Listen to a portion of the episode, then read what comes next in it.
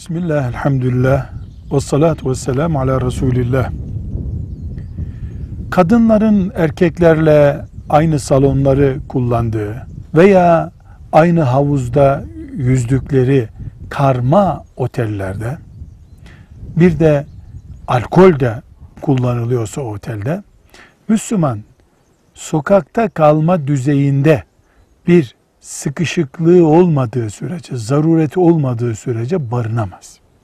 Hele hele oturduğu yerden zer- rezervasyonunu yaparak böyle bir otele seyahate gidemez. Bu Allah'ın haramlarına razı olmak, münker bir şeyi benimsemek demektir ki büyük bir vebaldir. Ancak Avrupa'ya seyahate giden, Çin'e iş seyahatine giden bir Müslüman veya bir İslam toprağında zorunlu olarak böyle bir yerde kalmak durumunda olan bir Müslüman bir gün, bir gece veya iki gün böyle bir otelde o menhiyata bulaşmadan, alkolüne bulaşmadan, kadınla ortamlara girip çıkmadan oturabilir, barınabilir. Ama seyahat yaparken bu tür otelleri seçmek asla caiz değil.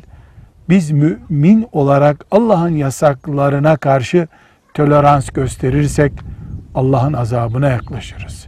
Velhamdülillahi Rabbil Alemin.